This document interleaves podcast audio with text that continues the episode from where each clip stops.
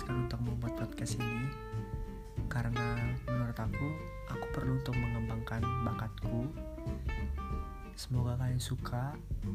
Dan jangan lupa untuk tetap mendukung aku karena dukungan dari kalian itu penting buat aku.